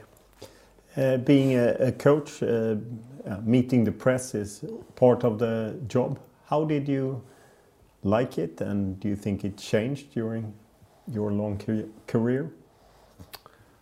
Well, what's changed it is, is, is social media. I think that's made life a lot harder for everybody to, to, to live with, you know, the, the criticisms, if you like, that are going to be coming and will always be coming, uh, because the, the criticisms through social media have often become a lot more personal and a lot more hurtful, if you like, and have affected players a lot more than ever uh, a newspaper article or a, a radio or, or TV interview could do. I'd like to think that my relationship with the press over the years has been reasonably good. I just I received a, an honorary award from the Sports Writers uh, Association, you know, fairly recently, you know, for my work in football and my relationship with them. So it can't have been it can't have been all bad. I never felt particularly that I was badly treated by by the press. It was always a question of understanding that they were doing their job. I've never pandered to them. I've never done as some people in my profession have done, sort of cultivated particular personal friendships with maybe an important member of the press who will sort of stand up and write an article to defend you when others are not writing that article. I've never done that, but I've always tried to be honest with them and I've always tried to answer the questions and I've certainly always been very uh, conscious of the fact that it's not a good thing to, to, to favouritize you know, members. You've got to be fair to everybody. You've got to give them all the time that they need, if you like, or that you have to give them, and then you've got to answer their questions honestly. And you know, you've got to accept that sometimes they they won't be as positive towards you as you would like them to be, but at least you can go away saying that I've, I've behaved in the right way, I've behaved with a certain dignity, and I haven't in, in any way attempted to use my position to belittle theirs. So that, that's been my uh, raison d'etre, if you like, or my modus operandi with regard to the press. And it seems to have worked okay. I, I would like to say there are quite a few members of the press, both in this country and certainly there were in Sweden, who I regard as friends of mine. Uh, after leaving Sweden, you've been a coach in Serie A, Premier League, and different national teams. Uh, what has been the best period? Well, the best periods are always the successful ones, of course. Um, Inter was a, was a very interesting period. Again, I, I wish I could have gone there uh, five years or, or, ten years older than I was, um, because the Swedish years were great, but they didn't really prepare me, I don't think, in some ways for the for the very different atmosphere and environment that Italian football in particular would give. I mean, even Switzerland even didn't really prepare prepare me for that. It was a a slightly different step along the way. Uh, and of course, I was spoiled for, you know, when I when I went to when I went to Sweden, I'd had a very successful period. You know, we the Örebro period was successful. You know, we won the league. We didn't get promoted thanks to another playoff system, but we won the league. Um, I'd had the five years at at Malmö. Then I go to Neuchâtel, and that ends in, in also great success when we we knock out Real Madrid and Celtic and everyone's speaking and they give me the national team job. And then the four years at the Swiss national team where I got some sort of uh, what's the right word hero status? Could that be the right word? But certainly a status of you know very very special status where not quite all of our Weimar like but moving along that spectrum at least. And then to go to Inter. That prepared me badly for that because that you know daily onslaught from the press, that daily scrutiny, that, and I I didn't want that because I the success success makes you arrogant. Success softens you as well. It makes you feel that I'm here because I deserve to be here. You know this is this is my place and no one should contest it. The success pushes you towards that and, and softens you. So to come into that unbelievably hard attitude of a right into, we've got to fill three pages in four newspapers every day. We need stories.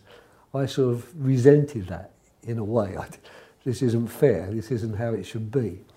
And of course, it wasn't easy, you know, coaching a team where the language was Italian, and I didn't really speak Italian at the time. So, but I mean, that that that two years, I think, was a vital period in my life because I think without that, I wouldn't have been able to have the next, what, when I leave, I left there in, in 97, so what's that, what's that 20, 23 years ago, is it? I don't think I'd have had the next 23 years were it not for the fact that I had that, that inter experience. So that was a vital one. Most enjoyable one, most successful one. To some extent, Fulham, I think, because Fulham, Fulham was a bit Halmstad-like, but it was much later in my career. And also, of course, it was in a sort of a an area where the success, if, as it was, was was recognised. I, I was got the, the the manager of the year award, you know, during that period of time, and you know, basically got me the job at Liverpool, uh, you know, on, on on the back of it. So I think that was probably a, not only a, an important period of time, it was a and successful one. It was maybe one of the ones that I would look back on and think, well, that was good and probably it gave me the next, what was that, next 10 years at least uh, uh, of a career at a very late age. You, you seem to not been afraid of going down the ladder in a way. I mean, you went to Inter, Blackburn, and then you're in Copenhagen, sure. Udinese, and then you're in Finland, Norway. I, I mean, you seem to be moving mm. up and down, which not all players or coaches would do. No, that's true. I mean, I've thought about that myself. It's, I think it's, it comes from, it came at the time in particular from a fear of not working or a, a fear of what am I going to do if I'm not working that um, I had and, and has plagued me, if you like, through my career, where there would have been times where I would have been better advised when this club came. I mean, I've never really had a, an agent as such. I mean, I probably would have benefited maybe from someone, a, a top agent, who would have said to me, look, this job's come up, but you're not going to take it because I've got other jobs lined up for you and I've got other ideas that will come your way, so just be patient.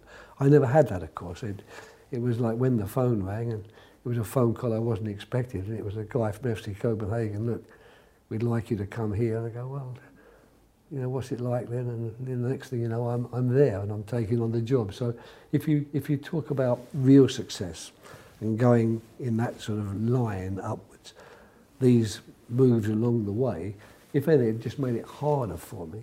Uh, and I suppose in some ways more um, satisfying that I got there in the end. I mean, I had several flirtations with people talking about the England job, you know, when I was at Blackburn, when I was at FC Copenhagen, uh, before I eventually got given the, the manager's job of England. But I did get there, despite the fact that there are clubs along the way on my CV that people who are looking for the next England manager or, or the next Crystal Palace or Fulham manager for that matter are not going to see as great steps on the, on the uh, career path.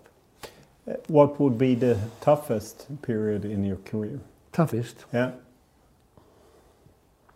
I think probably it would be that those periods you're talking about where after leaving uh, Blackburn, uh, where I got sacked from Blackburn after a very, very successful first year, we got into Europe with a team that the year before had almost got relegated. Uh, I say being tipped for the next England manager. Bad spell between autumn and, and, and, and Christmas. Injuries, of course, everyone has that type of thing in a bad period and being sacked for the first time, that's when I think I went off the rails to some extent, that I found it very hard to accept, and that's pure arrogance in a way, I suppose, or, or vanity. There's no reason why I should have found it hard to accept. Why should I not be sacked? Every football manager gets sacked, and in fact, people constantly remark that one of the things you have to come to terms with if you're going to go into this profession is that you're going to get sacked one day. And I knew that, and I'd heard it hundreds and hundreds of times by the time 1999 came around. Um, but I didn't accept it as I should.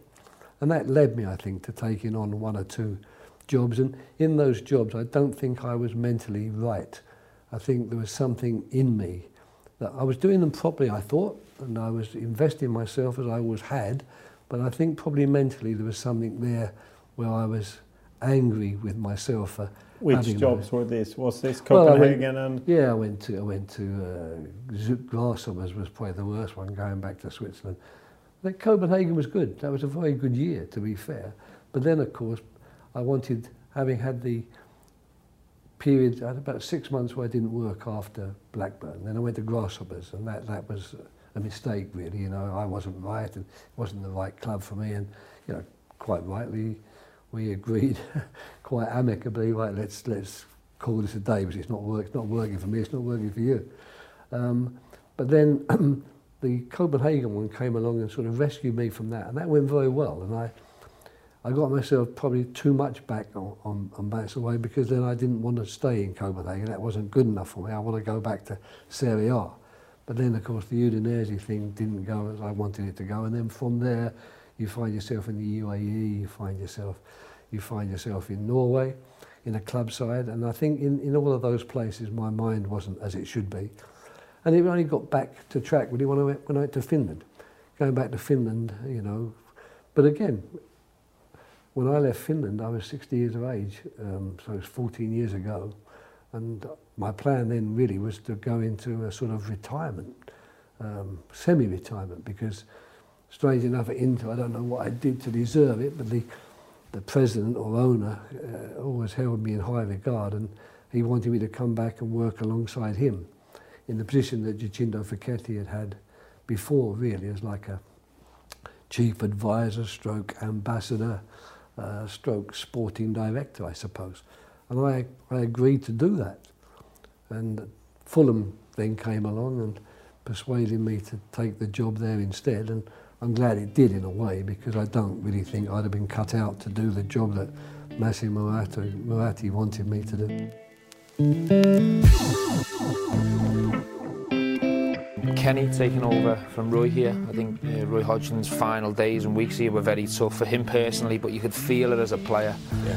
The, the tension in the crowd, you know, he was singing Kenny's name every five, ten minutes. Um, and I think before Roy was announced to be the manager, I think the majority of the fans wanted Kenny in anyway. Um, so yeah, the final days of Roy's were tough, and then when Kenny came, the atmosphere changed in the ground and in the club, and you know the players sort of got a lift from that because it was uncomfortable playing uh, in the atmosphere under Roy. It, it, felt it felt tense, and I think the players you could feel them going into a shell.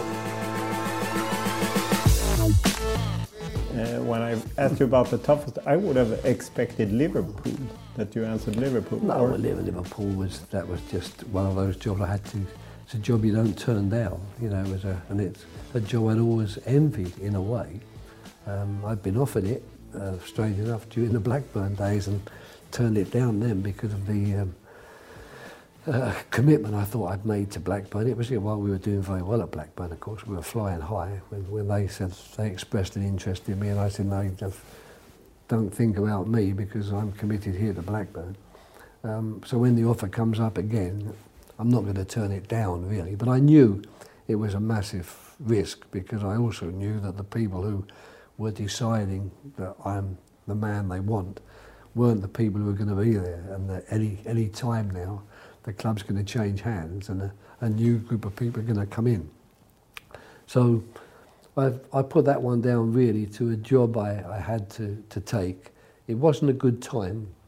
It wasn't a good time for me and it wasn't a good time for Kenny Dalglish who, who took over after me, even though he did get money to spend to improve the team, which I never did, um, because there was no money. You know, the club basically was been Had different for- owners forced- at that time, Yeah, the club was virtually forsold. The, the, the owners when I went there were Hicks and, Gillett, uh, Hicks and Gillett, but they'd been required by the bank to sell, and the bank had put in two people as their sort of uh, caretakers, as it were, to find new owners and to run the club in the time it took to find the new owners. So the people I worked for were the caretakers, you know, basically put in by the bank. They both went also when the new owners came in. So when the new owners came in, they had a different thought, and of course, what they really wanted then was someone that the Liverpool fans and public wanted. And to be fair, I was never uh, the real choice of the Liverpool fans. They wanted Kenny Dalglish. They wanted their their own man. They wanted their king to come back. So, you know, I'd have had to have been remarkable. I'd have had to have been as successful as Klopp was when he first went there. If we'd if we'd have been at the top of the league or near the top of the league, which we weren't because we weren't doing well, maybe I would have got a longer chance. But um, I've got to say, I just I wrote Liverpool off to some extent as uh, one of those moments in life that you're obliged to accept and go through. And I don't have any bitterness about it at all. I don't have any bad feelings about it at all. Um, I would have liked to have done better. I'd have liked to have been successful. I'd have liked to, you know, have the sort of success that, that Jurgen and, and, and even before him, Brendan Rodgers had at the club. And it would have been possible, I think, with, with the backing. But uh, at the time, that wasn't available to me. And I, I just put it down to one of those moments in your life that you have to live with. But I wouldn't put it amongst the, the really bad periods. And yeah, I bounced back immediately and went to a club which were, were very good to me, West Bromwich Albion. Uh, a couple of years before Liverpool, I know that uh, the Swedish Federation, Lars-Åke Lagrell, he called you when you were in Fulham after Lars Lagerbäck and asked you if you were interested in being coach for Sweden. How did you react?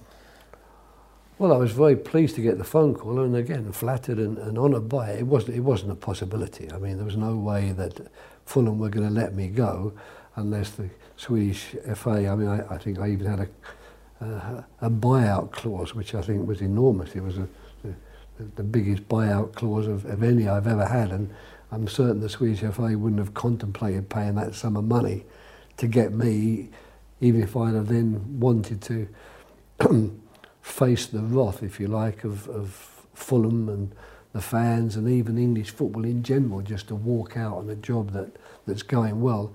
So that was one of those opportunities that came up at the wrong time. I would have loved to have uh, coached Sweden, really. It would have been, you know, something I'd have been very happy and, and proud to do. But it, the job only came up for me the once, And that And it was the came- only time That the only time I was ever contacted.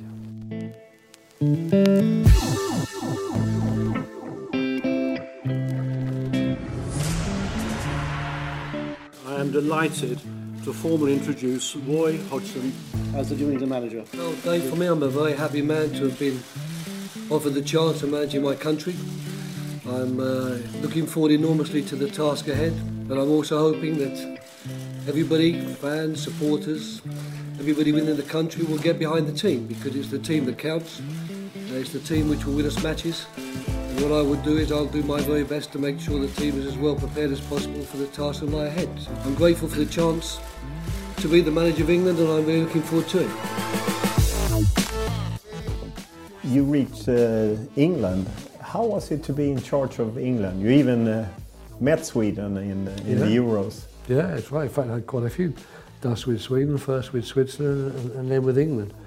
Oh, it was wonderful. It was a, you know, it was a. I regard that really as the the um, acme of my of, of, my career in many ways. I, I, think if you've worked hard all your life and you regard yourself as a very serious coach, the highest honour's probably got to be that when your country, your own country, especially a country as football mad as we, we are here I think Sweden you have a, a slightly a slightly more intelligent approach to, to football in the grand scheme of things than we do here. Football in the grand scheme of things here is right at the very top because there is no grand scheme. You know, football is football runs the country really.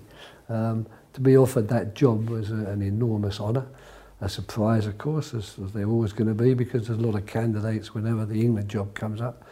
But um, I, I feel happy really with the, with the four years there. Disappointed that in the in the uh, tournaments we didn't do anywhere near as well as we wanted to do. But I'm afraid that can tend to be also, if you if you've got any perspective and balance, a, a fact of football life. And uh, it's not just me. Many England managers before me, Sven and of course being one of them, um, have had to learn to live with that.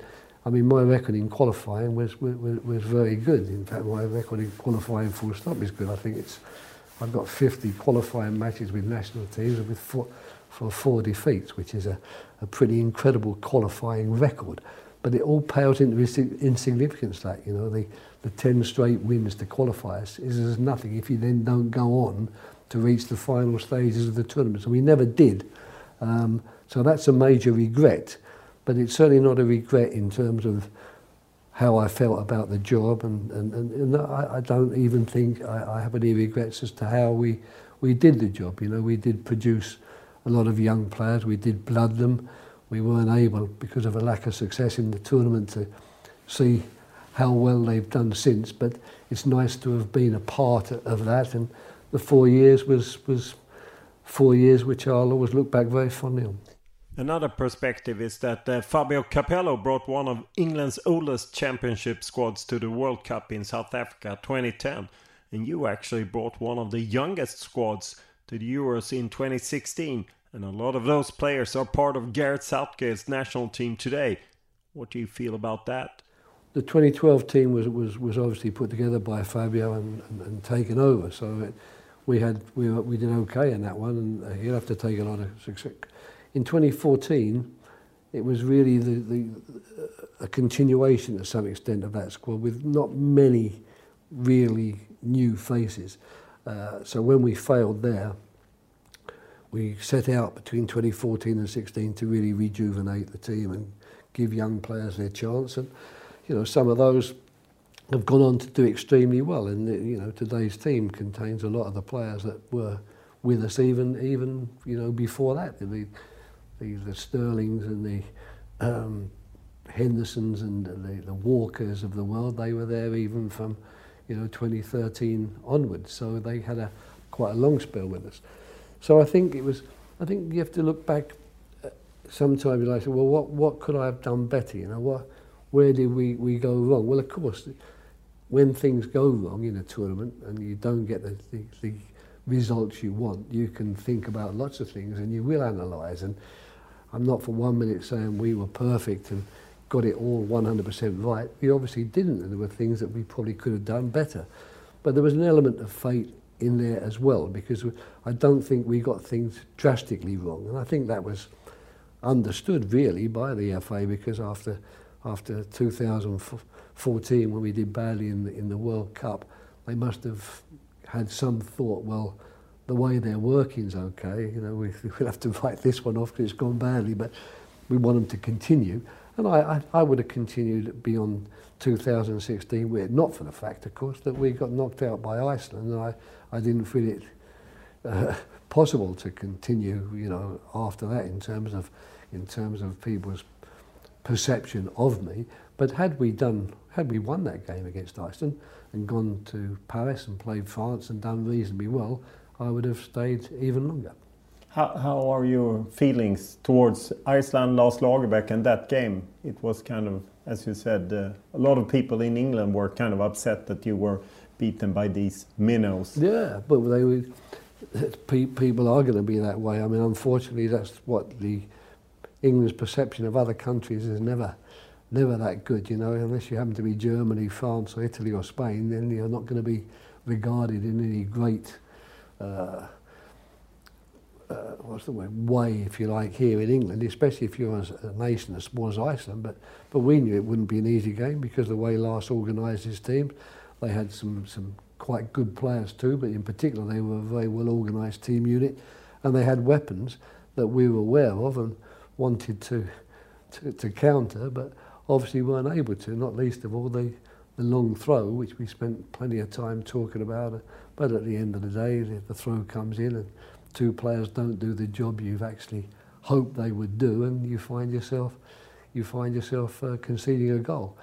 Kind so, of uh, irony that Lars Lagerbäck, who got his training first at Bob Houghton and uh, Roland Andersson, that he kind of put an end to your England career. Yeah, yeah, I suppose so. But someone was going to do it, and you know, I'm I'm happy in some ways, and it was Lars, who I regard as a friend, and obviously the success he had helped him onto other jobs and other successes. So, you know, it's nice that he's got some something he can look back on with great uh, effects in his career, not least of all the time leading Sweden and then the time leading Iceland and Norway. Uh, looking at the England in the Euros and in the World Cup under Gareth Southgate, what are your feelings? Oh, they're good. They're, they're, I mean, we've got a wealth of young talent at the moment, and it's being well well looked after by Gareth and Steve Holland is coach, a very good coach. Uh, they're they're doing all the things which I think they should be doing. They're they're they're milking the talent. They're they're they're nurturing the talent that they've got, and the, the beauty for them is at the moment, you know, the, the players are coming up and knocking on the door all the time, and the ones who are knocking on the door seem to be getting younger and younger, but they they have the qualities. And to be fair, you know, during Sven's time and and uh, Capello's time and even a large part of my time, we didn't quite have that wealth of talent which the academies now, who are you know doing such a great job, are producing because the younger players are getting a chance now. There was a period of time, and Sven, I'm sure we'll, we'll, we'll talk about this um, in these fights, you know, with the Man Uniteds and that of the world to release players. I never had that, luckily enough. I didn't have any fights there. But the problem was that the players in those clubs who we could see were going to be very good, they weren't getting a game. They were playing reserve team football. And it's very hard in England to select players who aren't getting a regular game because the press, of course, want to be want to see in the team the players were playing in the Premier League and, and scoring the goals. But we knew that the players that weren't playing were actually better players and were going to be much, much better candidates. But it wasn't always easy to get them into the team. You've lived through the period when the Champions League came, the Premier League came. Uh, how do you look at the influx of money and owners from Saudi Arabia and uh, uh, UAE? And uh, are you worried about football? I don't know. It's a very good question. It's, it, I'm ambivalent about it. Um, the money is is what drives everything. I mean, the, the, the competition element is concerning, um, not least of all because the teams that aren't amongst the, you know, the ones who are on the top table, the 20 of them, um, they're okay, they're fine, the money's there. Yeah, there'll always be discussions about ownership because the fans, you know, they see other teams spending lots and lots of money and getting in what they think are top class players, either from this country or abroad, and they want to see their team doing it as well. So they're they're pushing their owners to do that, and unfortunately, there aren't that many owners anymore in England. You know, the guy who who ran a local factory and loved football and loved his town and bought the club, that doesn't exist anymore. You don't, you know, you, it's not enough now to be a millionaire to own a to own an English football club. You know, if you haven't got a hundred million to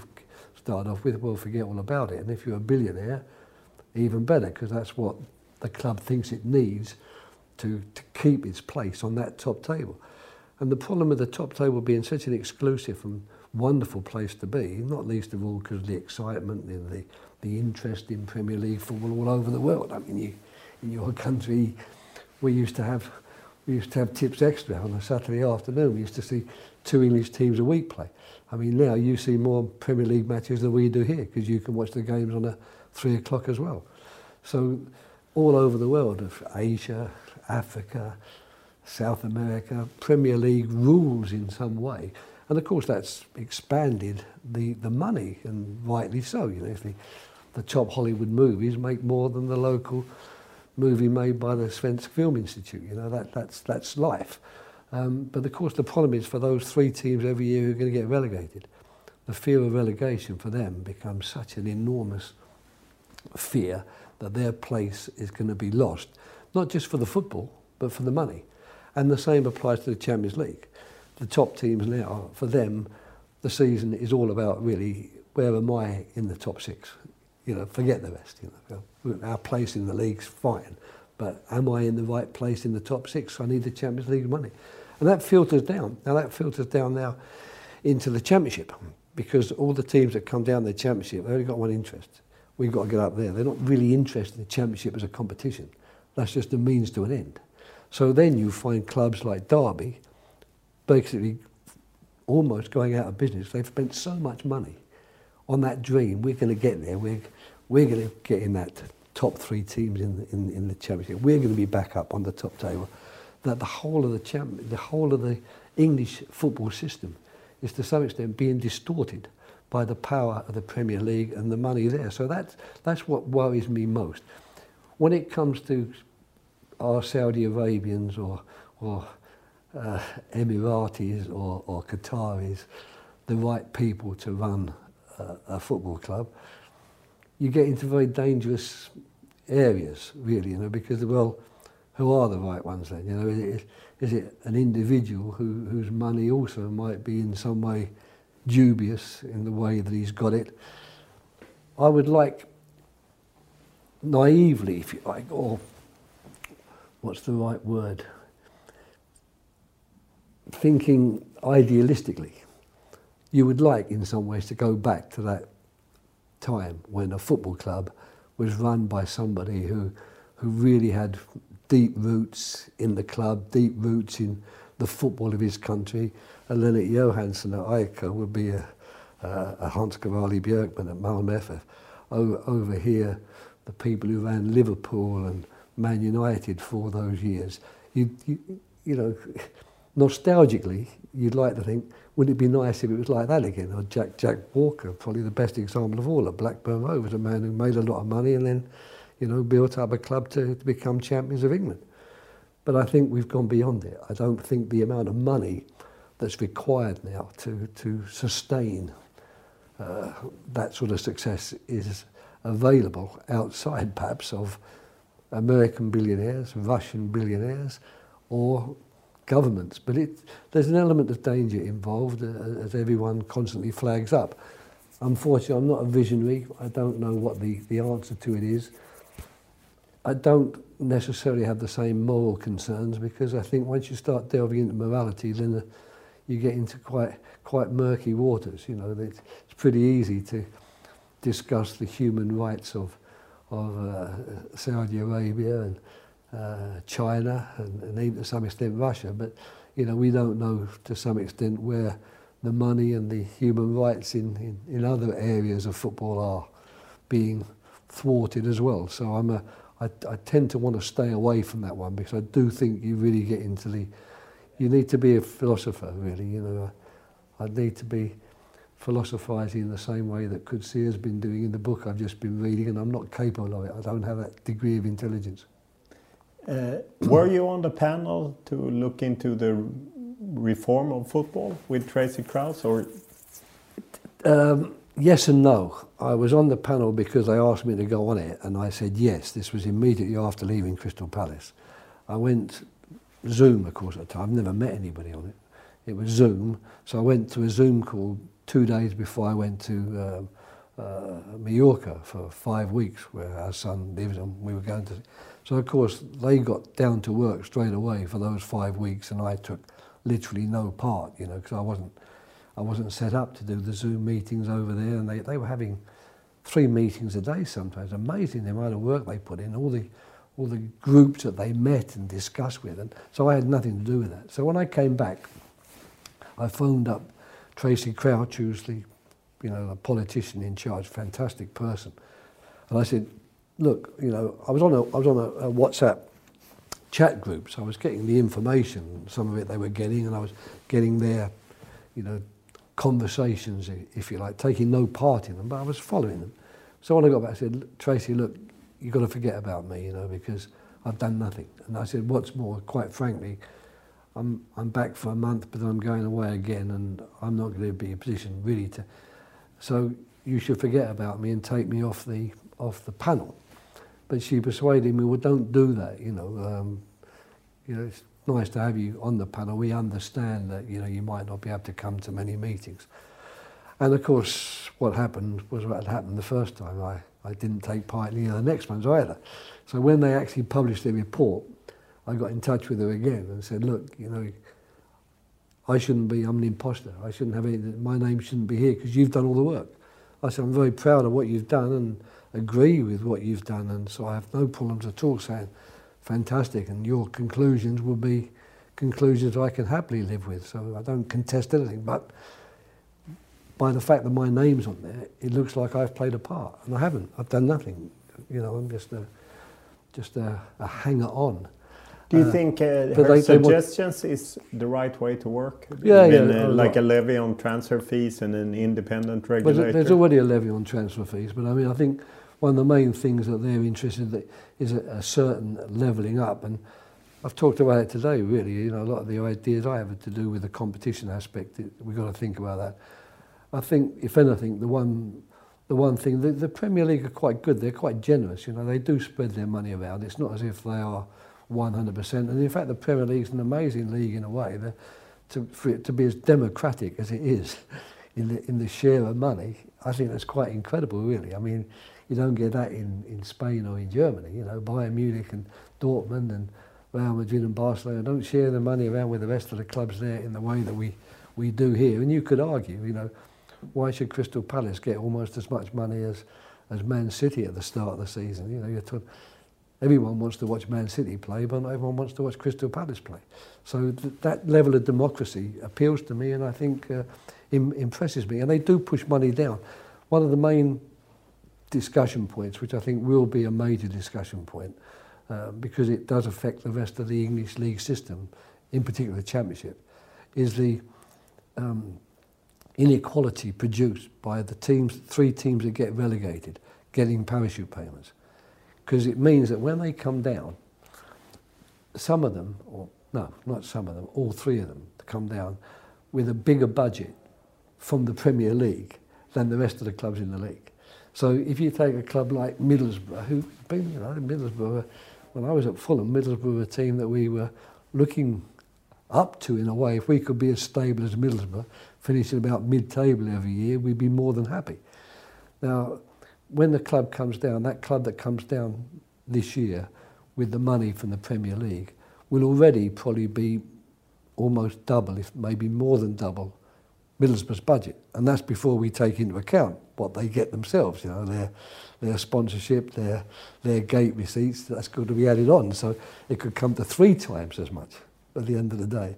Well, of course, that's, that's if you're talking, you're in the same league and you want to get up, and that's why we see quite, quite often the teams that come down go back up again.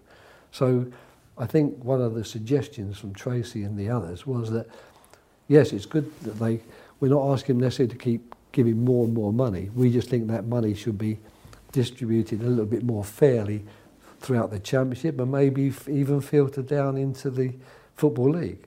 But you then come into the next problem. Well, what are they going to do with the money these clubs? Are they going to piss it up the wall, really, quite, quite frankly, or are they going to use it as wisely as Tracy Crouch and her group think? So that's where a lot of the, and of course the ownership problem. I mean, it's You've got the moral one that you mentioned, you know, with Saudi Arabia and the other the other governments. Is it right that governments can own football clubs in, in, in a foreign country? You know, question.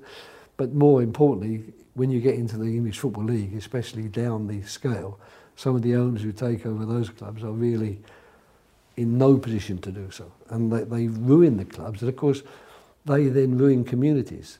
So we can take a simple example. You could take Lunds BK, which is still going strong, I believe, probably still in the third division or whatever they are. But yeah, they're in the third division. Yeah, but still going strong. And for the people, you know, since, you know, when I had some sort of discussions with him in 1980. Yeah, you had a pre-agreement with Yeah, uh, with guy. Lunds BK. Yeah, I can't remember the name of the guy now. A very, you know, forward-looking guy. I used to meet him when I was at Malmö sometimes. He'd remind me of it.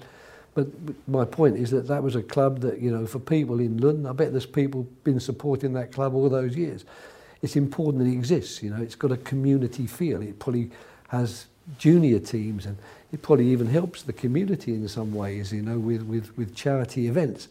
You get someone come in and blow that club out of the water because he wants to, he's not satisfied with Lundsbeko, you know, being the club it is. He, he wants Lundsbeko competing with Malmö FF.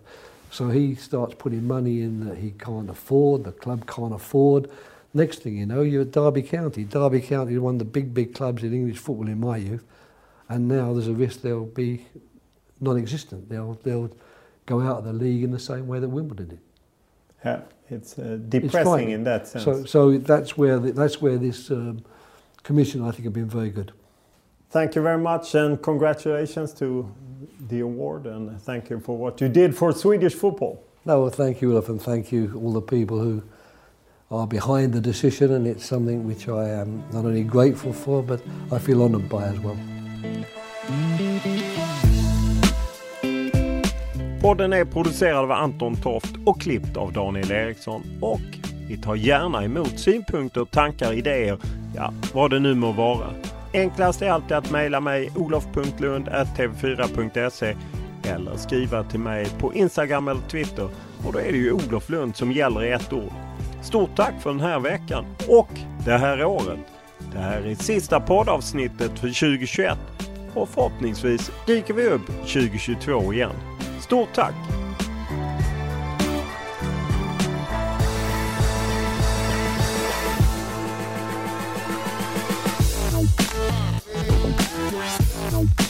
Yeah.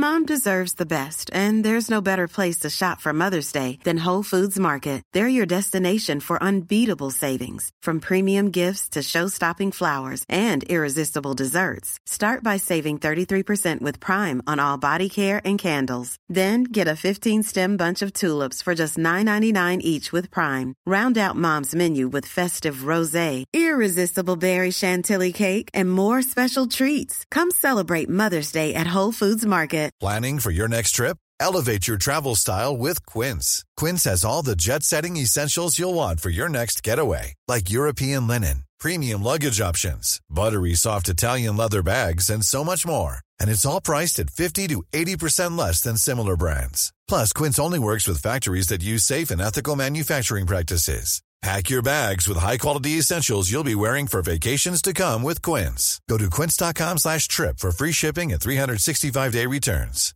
Mom deserves the best, and there's no better place to shop for Mother's Day than Whole Foods Market. They're your destination for unbeatable savings, from premium gifts to show-stopping flowers and irresistible desserts. Start by saving 33% with Prime on all body care and candles. Then get a 15-stem bunch of tulips for just $9.99 each with Prime. Round out Mom's menu with festive rosé, irresistible berry chantilly cake, and more special treats. Come celebrate Mother's Day at Whole Foods Market.